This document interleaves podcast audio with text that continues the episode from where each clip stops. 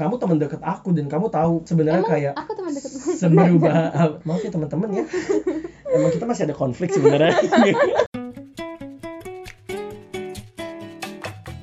Malam ini kalian mau jalan ke mana sih?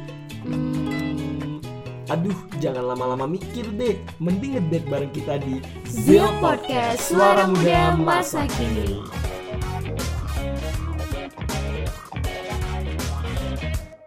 Waktu aku jadi koordinator dalam suatu acara aku nggak mau sebut itu Mm-mm. apa ya justru social pressure aku korban justru aku ngerasanya aku lebih ngerasa aku jadi korban kenapa karena anggota aku jarang banget yang kooperatif pertama Oh, ini salahin anggota nih, salahin nah orang kan orang lain. nah, maksud iya maksud salahin orang gini, lain. aku nggak bilang mereka salah ya cuma pada saat itu aku ngerasa aku banyak kerja sendiri gitu Hmm. ngerti gak sih dan aku ngerasa waktu itu aku mengemban tugas yang harusnya bukan aku yang Hmm, emban gitu dan iya. tapi aku nggak nyalain mereka itu juga bagian dari kesalahan aku karena pemilihan anggota sepenuhnya ada di aku salah aku gini. juga yang milih mereka mungkin gitu ya kalau ada yang ngerasa ya maaf ya maaf Ya dimaafin ya Raffi. kan gak salah aku bilangnya mungkin emang kurang tepat aja dan kondisi situasinya juga Iya, dimaafin, tepat dimaafin. gitu. Iya. Tapi gini loh, mungkin ini suatu hal yang baru sih aku belajar Hmm. setelah aku kuliah. Mengikuti organisasi dan kepanitiaan online itu tuh mengajarkan kita untuk mengatasi pressure kecil. Ya pelan-pelan diajarin gitu. Kita tuh akan nerima pressure kan dari Iya. banyak pihak dan dari situ sebenarnya kita memanage itu belajar. Jadi sebenarnya mungkin yang kamu lakukan tuh ya nggak buruk sebenarnya. Bagaimana mereka bisa menghandle itu aja juga. Iya, I know, but um, mungkin aku bisa langsung masuk ke ceritaku ya. Mm-mm. Aku sih bakalan ngambil karena ini adalah hal yang kalau aku baru sadari batu pijakan aku, sweet. Oke. Kenapa aku bilang batu pijakan? Karena dari peristiwa ini banyak banget hal yang berubah Mm-mm. di hidup aku, di pertemanan aku, di prinsip hidup juga. Jadi ya balik lagi ke koor tadi sebenarnya sih. Jadi aku jadi koordinator di salah satu acara besar lah ya itu ya. Emang gitu? Mm-mm. Kamu memang mau ceritain itu? Iya, aku mau ceritain itu karena Sebelum ini dia kamu memang mau ceritain itu? sebelum ini tuh aku mencari-cari. Oh. masih mencari dan kamu ide? mengingatkan kamu mengingatkan dan memberikan aku insight tapi aku kamu tahu lah kamu kan waktu itu kamu teman dekat aku dan kamu tahu sebenarnya Emang kayak aku teman dekat seberubah maaf ya teman-teman ya emang kita masih ada konflik sebenarnya Enggak Zil enggak. bercanda bercanda bercanda Bercanda. Oke. Uh, jadi pada saat itu tuh aku ngerasa aku jadi korban sweet ngerti nggak Oke. kenapa aku bilang aku jadi korban aku nggak self defend aku nggak self Ah, I know, defending I know. Hmm. aku bakal ngasih tahu dulu ya. Jadi pada saat itu adalah em, aku jadi koordinator di salah satu acara yang menurut aku itu skalanya gede dong. Itu skalanya satu universitas dan universitas kita kan lumayan besar ya. Mm-mm. Bukan lumayan sih, besar menurut aku ya. Karena Universitas ah. ada ada kembali. ada pada Ada. gitu kan.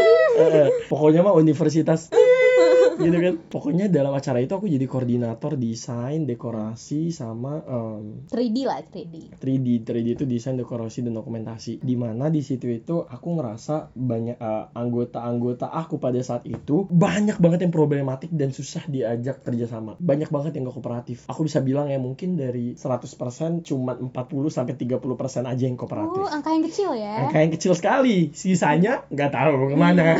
Karena gini, aku tuh dulu yakin bahwasannya aku nerima anggota aku dulu sebabnya adalah bukan karena skillnya mereka. Itu salahnya aku. Salahnya aku adalah dulu aku nerima, aku kan sebagai koordinator nyari anggota dan menerima ya. Waktu itu aku menerima mereka karena mereka butuh pengalaman dan mereka teman aku. Bahwasannya aku lupa dalam kita bekerja kita harus Objektif. objektif dong. Yang kita cari yang punya skill bukan yang sedekat apa mereka sama kita gitu kan. Dan pada saat itu aku ngerasa oke deh kayaknya emang dia butuh pengalaman, dia teman deket gua sebagai teman deket, gua mau bikin dia tuh berkembang dan gue berharap dari acara ini dia punya skill gitu. Hmm. Faktanya tidak, faktanya adalah lo nggak bisa eh, ngajak orang yang bahkan nggak punya minat di Iya, situ. Iya, iya. Lo nggak bisa ngarepin orang yang nggak punya minat tiba-tiba ada skillnya di situ Iya, tuh nggak iya, bisa gitu. Dan balik lagi, kalau bekerja atas dasar pertemanan itu sulit menurut aku. Pertemanan yang dipertaruhkan di situ. Bener, akhirnya dari situ tuh aku punya prinsip gitu loh, Gi. kayak oke, ntar-ntar gue kalau bekerja, bukannya aku nggak mau bekerja sama temen, Hmm. bekerja sama teman it's okay it's really okay tapi seenggaknya dia punya minat yang sama dan punya Mhm, visi yang sama mhm. dalam pekerjaan tersebut Mhm. gitu nah gara-gara hal-hal begini Ge, jadi kan mereka kayak kerjanya setengah hati kan Mhm. kerjanya setengah hati karena mereka skill aja nggak ada apalagi kan bidang aku ini lumayan praktikal Mm-mm. kenapa aku bilang praktikal kita desain dan dibutuhkan di banyak waktu nggak sih bener kalian banget kita dibutuhin banget gitu kan postingan setiap hari segala macam dan lain-lain social pressure dimulai dari sini. Dimulai dari aku tuh social pressure-nya bukan ke bawah ya tapi ke atas. Maksudnya ke atas tuh kayak aku kan koordinator alur koordinasinya langsung ke inti ke secret committee dan lain-lain. Social pressure aku justru dari mereka. Mereka tuh yang kayak ngomong. Pertama tuh mereka nanya kayak gimana anggotanya? Anggotanya eh, udah aman semua. Di situ aku udah ngerasa social pressure. Kenapa? Karena aku ditekan bahwasannya kayak mau jujur gak bisa gitu. Otomatis aku di situ harus bohong tapi dengan kebohongan itu ada yang aku tuh tertekan Iya, gitu. iya, iya, bahkan iya. ketika aku berbohong aku tertekan gitu. Hmm. bilang kayak aman semua anggota aku aman padahal 60% dari mereka nggak bisa ngedit dan lain-lain gitu. Hmm. ya aku aku ngerti ya bahwasannya itu adalah karena kecerobohan aku sendiri itu kesalahan aku sendiri. Kenapa aku milih mereka dan harusnya aku bohong ke atasan gitu kan Hmm. gitu. Aku bohong bahwasannya bahwa eh, mereka oke segala macam social pressure-nya tuh mulai tuh dari situ sih. Aku tuh waktu itu keciduk sama salah satu inti anggota inti keciduk semua tugas rata-rata aku yang ngerjain. Sampai dia nanya kayak anggota lo ke mana? gitu. Kok lo semua yang ngerjain? Hmm. Aku di situ kaget dong kayak buset udah ketahuan Hmm. gitu kan akhirnya aku aku berdalih tuh aku berdalih enggak ini dia ngerjain kok emang tapi dikasih ke gua gitu ngerti gak sih Hmm. udah Dan- hasil kerja dia nih Ha, gitu. udah hasil kerja dia cuma emang finishingnya gua Iya, lah gitu gitu lah pokoknya ya. ada pokoknya speak speak lah dari situ udah ada social pressure tuh social pressure yang bahwasannya kayak social pressure tuh lebih ke ini di- lebih ke orang-orang ngeliat aku jadinya aku tuh pengen dinilai jadi koor yang seenggaknya bener lah gitu ngerti gak sih Hmm. dan social pressure aku dapat di situ kesannya kayak mereka semua tuh maksa aku jadi lu jadi koor harus bener ya lo nggak boleh nggak bener lo harus adil ya udah dari yang atas begitu dari anggota pun begitu Hmm. Kamu tahu Iya, di iya. hari H salah satu anggotaku ngomong kayak gini lu jadi koor kok nggak bener sih? Pembagian tugasnya lo nggak bener. Kok gue nggak dibagi tugas? Gue kan gak dibagi tugas nih gue pulang aja deh. Akhirnya dia pulang. Padahal di situ tuh aku berusaha nyelamatin anggotaku tapi anggotakunya sendiri tuh nggak Nggak mau. mau diselamatin. nggak mau diselamatin ngerti nggak? Kalau misalnya aku mau ngadain pembelaan ya justru bahkan salah satu anggota yang lain pun bilang bahwasannya itu bukan salah aku karena ini orang sebenarnya gak punya skill gak mau belajar. Kalau ditugasin bilangnya nggak bisa tapi nggak ditugasin malah bilang kayak gitu. Hmm. serba salah mau diapain pun ngerti Iya, nggak sih? iya, serba iya. salah tapi aku nggak nyalain dia aku nyalain diriku sendiri Hmm. kenapa lo ajak orang kayak gitu gitu Tapi gini gini Vi, Hmm. Eh, sebelumnya aku udah pernah bilang sih sama kamu soal Hmm. ini. Aku tau banget masa-masa waktu Raffi yang ngerasa menyalahkan dirinya sendiri terus gitu. Hmm. Justru menurut aku tuh kamu baik banget karena memberikan kesempatan ke orang lain gitu. Heeh. Kesempatan ke teman-teman kamu, kamu mau bantu mereka gitu loh. Kamu mau bantu mereka untuk ini nih ada kesempatan untuk Hmm. kalian punya ruang Pengalaman. untuk berkembang, Hmm. punya- bisa punya skill juga, bisa punya Hmm. pengalaman juga. Ada sertifikat juga kalian bisa Iya, dapetin kan itu ya kita waktu itu ngejar-ngejar sertifikat terus Iya, kan. betul. Bukan membela nih orang ya. Oke. Kalau ada salah pasti aku bilang salah Iya, teman. you. Sobat Zil, tenang aja. Eh. Nah, tapi menurut aku juga Hmm. waktu itu dia salahnya adalah karena ya ini tuh lingkungan pertemanan yang sangat dekat gitu. Iya, heeh. Jadi kalau ada konflik tuh mudah banget tersinggungnya, Benar. mudah banget langsung bentrok dan hancur gitu. Iya, heeh. Ya, ya itu resiko sih sebenarnya. Jadi dia juga harus ka- aku ingat banget posisi kamu waktu itu kamu harus berusaha mempertahankan pertemanan ini, sedangkan kamu juga harus berusaha untuk adil sebagai koor Ah, betul harus bisa membagi job desk dengan adil, Mm-mm. harus kasih penempatan mereka yang pas Iya. gitu. Kamu, aku ingat banget kamu harus ngajarin mereka juga dari nol lagi. bener banget Ya ada yang memang bener-bener mau belajar, nggak Ada, ada, ada, yang ada. emang mungkin mereka ngerasa itu nggak passion ya mereka untuk Iya. terjun di situ dan itu salahnya sih, iya memang. makanya dan aku ngerasa aku kurang tegas sih pada saat itu Mhm. dan uh, jadi emang menurut aku dari social pressure itu aku dapetnya justru benefit yang baik ya Hmm. aku ngerasa uh, jiwa koordinator yang sebenarnya gitu aku dapetin tuh di situ karena gara-gara semua orang kan nuntut ya lo harus jadi koor yang benar Hmm. udah nggak usah mikirin anggota lo mau anggota lo gimana yang penting lo sebagai koor udah melakukan tugas lo dengan baik ngasih Iya. mereka tugas kalau mereka nggak mau di SP dan lain gitu Mhm. dulu tuh aku nggak tegang karena mereka temen aku sweet Iya. tapi gara-gara di gara-gara hal itu gara-gara peristiwa itu akhirnya aku paham bahwasannya kita harus bisa memisahkan masalah pertemanan dan uh, profesionalitas bekerja Balik lagi harus profesional. makanya harus banget profesional dari situ aku langsung sadar gitu loh kayak oke berarti um, social pressure yang dikasih ke gua ngebuat gua menjadi uh, lebih uh, responsibel lebih bertanggung jawab terhadap pekerjaan gua pada saat itu Hmm. lebih ngebentuk jiwa pemimpin yang benar gitu. Maksudnya kayak nih pemimpin yang benar itu bukan yang harus merintah merintah terus uh, nggak ngelihat kondisi anggotanya. Bukan juga yang manja-manjain anggotanya sampai uh, nggak tegas sama sekali bukan. Mhm, tapi mhm. Menurut aku ketua itu adalah orang yang tegas tapi adil gitu. Mhm. simpelnya kayak gitu. Jadi gue harus tegas tapi gue juga harus adil.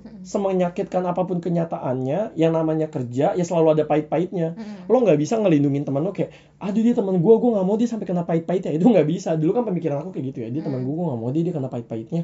Yang pahit-pahitnya biar gue aja lo ngerjain yang enak-enaknya. Ber- mau berkorban ceritanya. ceritanya kayak gitu. Justru kan nggak boleh kayak gitu kan. Justru harusnya ya emang bener masalah kerjaannya kerjaan masalah pertemanan ya pertemanan gitu gitu. Jadi social pressure itu ngebentuk diri aku yang sekarang tuh oke aku tuh sekarang kalau kerja ya maksudnya kayak kerjaan ya, ya kalau misalnya kita lagi di tempat di tempat kerja dan lagi di jam kerjanya kerjaan yang nomor satu. Mau lo se- semarah apa sama gua perdebatan yang terjadi di antara kita lagi sebesar apa atau se ngeganggu apa pun itu kalau bisa pas lagi kerja lupain aja itu dulu semuanya. Soalnya ya kita nggak kenapa-napa gitu. Itu yang aku belajar banget sih. Jadi social pressure yang aku dapetin pada saat itu ngebentuk apa ya karakter mungkin ya. Karakter dan prinsip hidup baru di hidup aku gitu loh Gi. Mhm. dan aku aku bener-bener ngerasa berterima kasih banget buat semua teman-teman aku yang udah terlibat termasuk kamu termasuk semua anggota aku yang pada saat itu jadi anggota aku juga gitu maksudnya kalian semua itu walaupun gak semuanya baik ya tapi kalian semua itu ngasih aku pelajaran dan ngasih aku uh, insight bahwasannya hidup itu ya beragam banget gitu maksudnya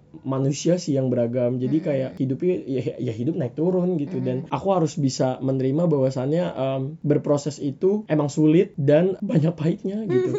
Jujur proses yang paling aku benci sebenarnya itu. Karena pahitnya banyak banget. Aku tuh sampai yang kayak gue stres banget bener-bener kayak misalnya nih dalam satu minggu ya enam hari stresnya Iya. nggak stresnya cuma sehari gitu itu misalnya. juga gara-gara apa ya makan es krim doang ya? iya misalnya kayak gitu tuh kalau atau kita mantai doang Iya, kita kabur, kita pelarian ke kuta Hmm. gitu kan. Aku inget banget Gi, kelar acara itu aku langsung pulang kamu inget gak? Enggak, ini fun fact banget ya Sobat Zil Aku tuh kebiasaan handphone aku tuh adalah mode pesawat Iya. Ya, kebi- kebiasaan aku sulit dihubungi adalah karena mode pesawat Betul. Tidak ingin diganggu ceritanya Ceritanya Ceritanya begitu lebih ke orang goa itu ya. Tiba-tiba, kamu telepon aku ya kalau nggak Iya. salah Terus tiba-tiba pas aku, aku nggak tahu ada angin kenapa Aku pingin nyalain aja mode pesawatku gitu Terus aku nyalain, tiba-tiba dia nelpon Nangis-nangis Nangis-nangis Aku udah gak kuat sih Aku gak kuat banget sekarang Dia- aku, Aku aku butuh support. ya Iya, kan? dia butuh support system waktu Ah. itu. Jadi aku juga pas dia nelpon tuh aku berusaha eh, tenang ya, sebentar lagi udah selesai. Ini Mhm. kamu tinggal berapa hari lagi nih perjuangannya gitu. Ya nggak apa-apa nangis aja, istirahat dulu, nangis Mhm. dulu gitu. Tapi besok udah harus come stronger Iya, lagi, udah ah. harus kayak tunjukin bahwa kamu kok yang bagus bisa. Ya, terbukti kan, Mhm. terbukti dan terbukti nama Raffi sejak saat itu melejit guys. Kamu tahu loh pada saat itu mental aku dihajar segimananya pada saat itu karena social pressure gitu. Mhm. Aku bisa bilang itu social pressure karena emang sosial yang bikin aku kayak gitu, ngerti gak sih? Bukan Tekanan- hanya satu pihak gitu Ah, ya. banyak banyak pihak yang bikin aku kayak gitu dan jujur aku nggak ada dendam pribadi sama siapa pun sekarang karena aku masih aku nganggap mereka masih teman ngerti gak sih ya emang kita teman itu kan masalah kerjaan ya Iya, iya. dan aku mikir kayak ya Sejak udah saat itu juga mereka udah memisahkan itu loh. iya iya memisahkan itu urusan kita profesional kemarin Iya iya gitu. syukurnya orang-orang juga yang kayak ya udah maksudnya itu kan masalah kerjaan gitu walaupun awalnya masih ada lah berantem berantem Mm. tapi makin ke sini makin paham kayak waktu kita bermasalah di pekerjaan ya pas di pribadi kita nggak ada masalah gitu lebih kayak gitu sih oh iya alasan aku bisa survive dari itu cuma satu sih waktu itu yang aku pikirin adalah em, aku kan tipikal orang yang gak suka dikalahin ya sama siapa pun Ah. Lebih ke gue nggak mau dikalahin sama keadaan gitu Mm, mm, mm, mm. gue nggak mau dikalahin sama yang kayak loh kalau ntar gue mundur eh, justru social pressure ini dampaknya buruk buat gue nggak ada Iya, baik-baiknya iya, gitu iya, ngerti iya, nggak iya. aku waktu itu udah ngeliat itu kayak oh kalau misalnya gue berhasil gue bakal dampak gue bakal dapat dampak yang baik kalau gue gagal dampak buruk justru Hmm. gue nggak nyelesain tanggung jawab gue gitu jadi menurut aku pada saat itu eh, cara aku survive adalah kalau buat sahabat Zil di rumah ada yang ngalamin hal yang serupa sama aku lagi ada di organisasi yang mengharuskan kalian ngelakuin hal yang di luar kendali kalian solusi dari aku adalah kalian harus ngerasa kalian punya tanggung jawab sehingga Hmm. kalian bisa memperbaiki semua yang gak apa ya gak teratur gitu ya Hmm. maksudnya kayak kan kalau aku jelas aku nggak teratur karena waktu itu job desknya berantakan gitu ngerti gak sih aku misalnya yang ngerjain paling banyak ada anggota yang enggak sama sekali gitu Tapi kan waktu itu kamu eh, dari BEM di jeda juga nggak ya? Atau kayak kan kamu harusnya enggak ngerjain pasti. enggak enggak aku nggak Lanjut juga aku kan? lanjut juga Ya, jadi ada dua Heeh, aku hal yang ada kamu pegang gitu loh. ada banget Heeh, dan jadi, waktu itu kan juga jangan lupa ya maksudnya kementerian aku juga ada program kerja yang sedang berjalan nah, triple banget jadi Hmm. makanya yang kayak "Ya wes lah Ya, gitu. udah udah berlalu ya. apalagi kan ini ini adalah acara yang nggak cuma seminggu dua minggu sweet Iya, tiga iya, bulan iya, jalan iya, ya tiga benar. bulan itu Hmm. panjang banget kan acaranya jalan dari pra terus pasca terus hari H gitu kan jadi lumayan banget jadi menurut aku solusi yang bisa aku tawarkan adalah belajar untuk bertanggung jawab atas pilihan yang udah kalian ambil dan kalian harus lebih bijak dalam memilih apa pun kasihan boleh tapi jangan sampai ngorbanin diri kalian sendiri Karena aku juga belajar Mm-mm. itu sih, Vi. Eh, milih teman untuk bisa diajak kerja tuh penting tau. Enak gak diajak kerja? Benar. Atau malah nyusahin Mm-mm. gitu. Tapi ini balik lagi, aku pernah tahu eh, namanya itu adalah daya lenting. Jadi daya lenting kamu Iya. tuh bagus Mm-mm. berarti. Kamu kalau misalnya kayak, misal kamu down, Heeh. tapi kamu punya daya lenting yang bagus sehingga kamu bisa naik lagi ke atas Aha. gitu. Untuk kamu balik lagi ke atasnya itu, kamu gak butuh orang lain. Ada suatu dari dalam diri kamu yang udah nge-push itu sendiri loh. Itu Uh-uh. ya pola pikir kamu bahwa Iya. aku nggak boleh kalah sama keadaan Mhm. aku udah milih ini ini tanggung jawab aku Hmm. ya aku har- yang harus selesaiin ini sampai akhir gitu jadi ya that's a good job Raffi Iya iya. Thank you so much. Because of you juga kan jelas Hmm. aku bisa maksudnya rebound akhirnya naik lagi gitu ke permukaan buat yang kayak ya thank you for that tadi aja kan kamu bilang aku sempat nelpon yang kayak udah sedih tapi gara-gara support system dari kamu gitu kan jadinya yang kayak ya udah emang bener tinggal dikit lagi sayang banget kalau kalah ya berarti rata-rata kalau misalnya kalian berhasil ngelewatin social pressure itu berarti kalian hebat gitu Dan kamu tau gak sih kalau misalnya aku lihat dari pembicaraan kita nih ya, menurut aku yang tahu gimana cara mengatasi itu sebenarnya memang diri kita sendiri aja gitu. banget Nggak harus dikasih tahu orang. Kamu sebenarnya Vi bisa ngadapin itu semua tanpa harus denger support system misalnya dari aku. Hmm. Nggak harus kayak misalnya malam itu aku nggak angkat telepon dari kamu, Hmm. aku yakin kamu juga akan tetap bisa nyelesain itu sampai akhir gitu. But I think maksud aku insight dari orang luar Itu penting memang. lain juga cukup membantu Iya, sangat membantu sangat banget malah bisa kan. bisa sangat Uh-uh. membantu. Tapi sebenarnya itu Tidak ada menutup suatu kemungkinan iya, ya. ada suatu di dalam diri kita yang yang tahu diri kita tuh kan kita ya. Iya, iya. Yang tahu celahnya ini bagaimana gitu. Hmm. Itu tuh kita gitu. Jadi ya dengan kamu akhirnya kan ujungnya kamu yang punya keputusan. Aku nggak mau kalah sama keadaan gitu. Iya benar sih. Jadi sebenarnya bisa jadi yang aku tangkap dari omongan kamu, perkataan orang lain, insight dari luar itu cuman jadi referensi ya. Mm-mm. Cuma kadang juga bisa jadi pengingat gak sih? Kayak maksudnya jadi pengingat tuh misalnya aku lupa bahwasannya aku tuh orangnya nggak mau kalah sama keadaan. Mhm. Tapi pada saat sedih itu aku lupa kayak bodo amat deh yang penting selesai. Tiba-tiba kamu ngingetin kayak oh iya gue kan nggak mau kalah gitu ngerti nggak? Iya. Ke up lagi gitu. Ya menurut aku bisa jadi warning juga orang-orang sekitar Iya, gitu ya. iya. social pressure itu bisa jadi penting buat kalian. Jadi kalian itu jangan sampai nutup kuping banget gitu. Wow. Iya, iya. Kalau misalnya sobat Zil dengerin udah udah berapa banyak solusi yang kalian dapat dari kita ya? nggak solusi juga, cuman Nggak mungkin solusi. cerita Masukan, lah. ya. Iya masukan. Ya, mungkin Oh. oh gini ya gini ya gitu. Jadi, nah kalau misalnya kalian udah punya support system, kalian harus apa ya? Harus Dan hargain banget Ini orangnya. juga sih, Vi.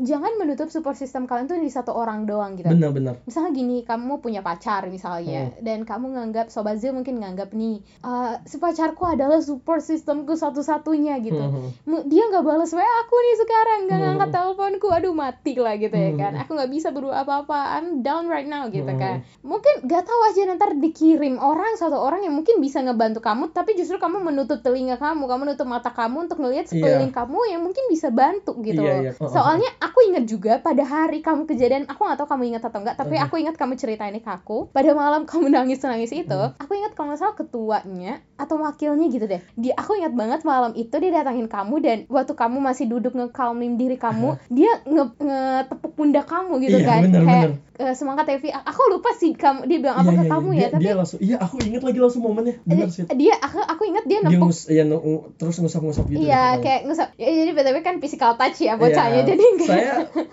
nggak bisa banget pokoknya kalau touch dulu ya. dulu. Sekarang berkurang banget lagi nggak tahu kenapa. Skip aja udah ngapain. Nggak penting. Nggak penting. Oke.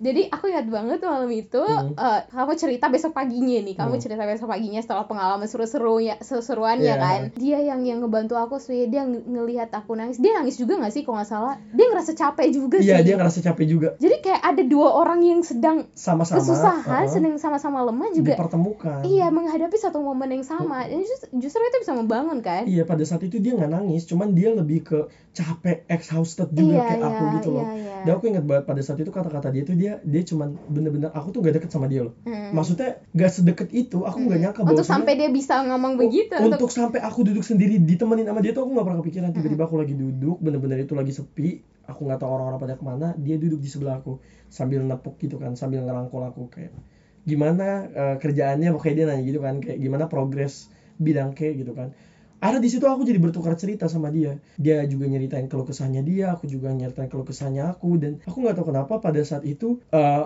bahkan bukan dari orang yang aku bakalan expect dia ngomongin itu ke aku tapi Hmm. impactnya gede banget sweet ngerti nggak Hmm. Aku di situ juga jadi ngerasa wah gila. Berarti dia juga capek. Ada yang sama kayak aku gitu. Ya, nggak sendiri Eh, gitu aku kamu. aku nggak ngerasa sendiri dan aku ngerasa ya udah aku nggak ngerasa sendiri. Aku ngerasa wajar kayak gini tapi habis itu aku juga harus bangkit kayak dia karena aku ngelihat pada saat itu dia bangkit. Ngerti nggak? Aku tuh nggak pernah ngelihat dia kayak gitu makanya aku kaget. Oh ternyata dia juga ngerasain yang sama karena di luar itu dia wow tough banget sweet. Iya, iya, iya. dan aku ngerasa yang kayak ya gue juga harus kayak dia dong Iya, gitu. nggak mau kalah. nggak mau kalah. Selalu ya ada kayak gitu nggak mau kalah pokoknya. Oke, jadi oke. gitu. Jadi aku ngerasa iya bener sih kata kamu kamu jadi kita tuh jangan menutup uh, bantuan dari orang lain Aku ingat banget gitu. soalnya malam itu. Itu itu ada kunci bahwa jangan menutup sekeliling kalian gitu.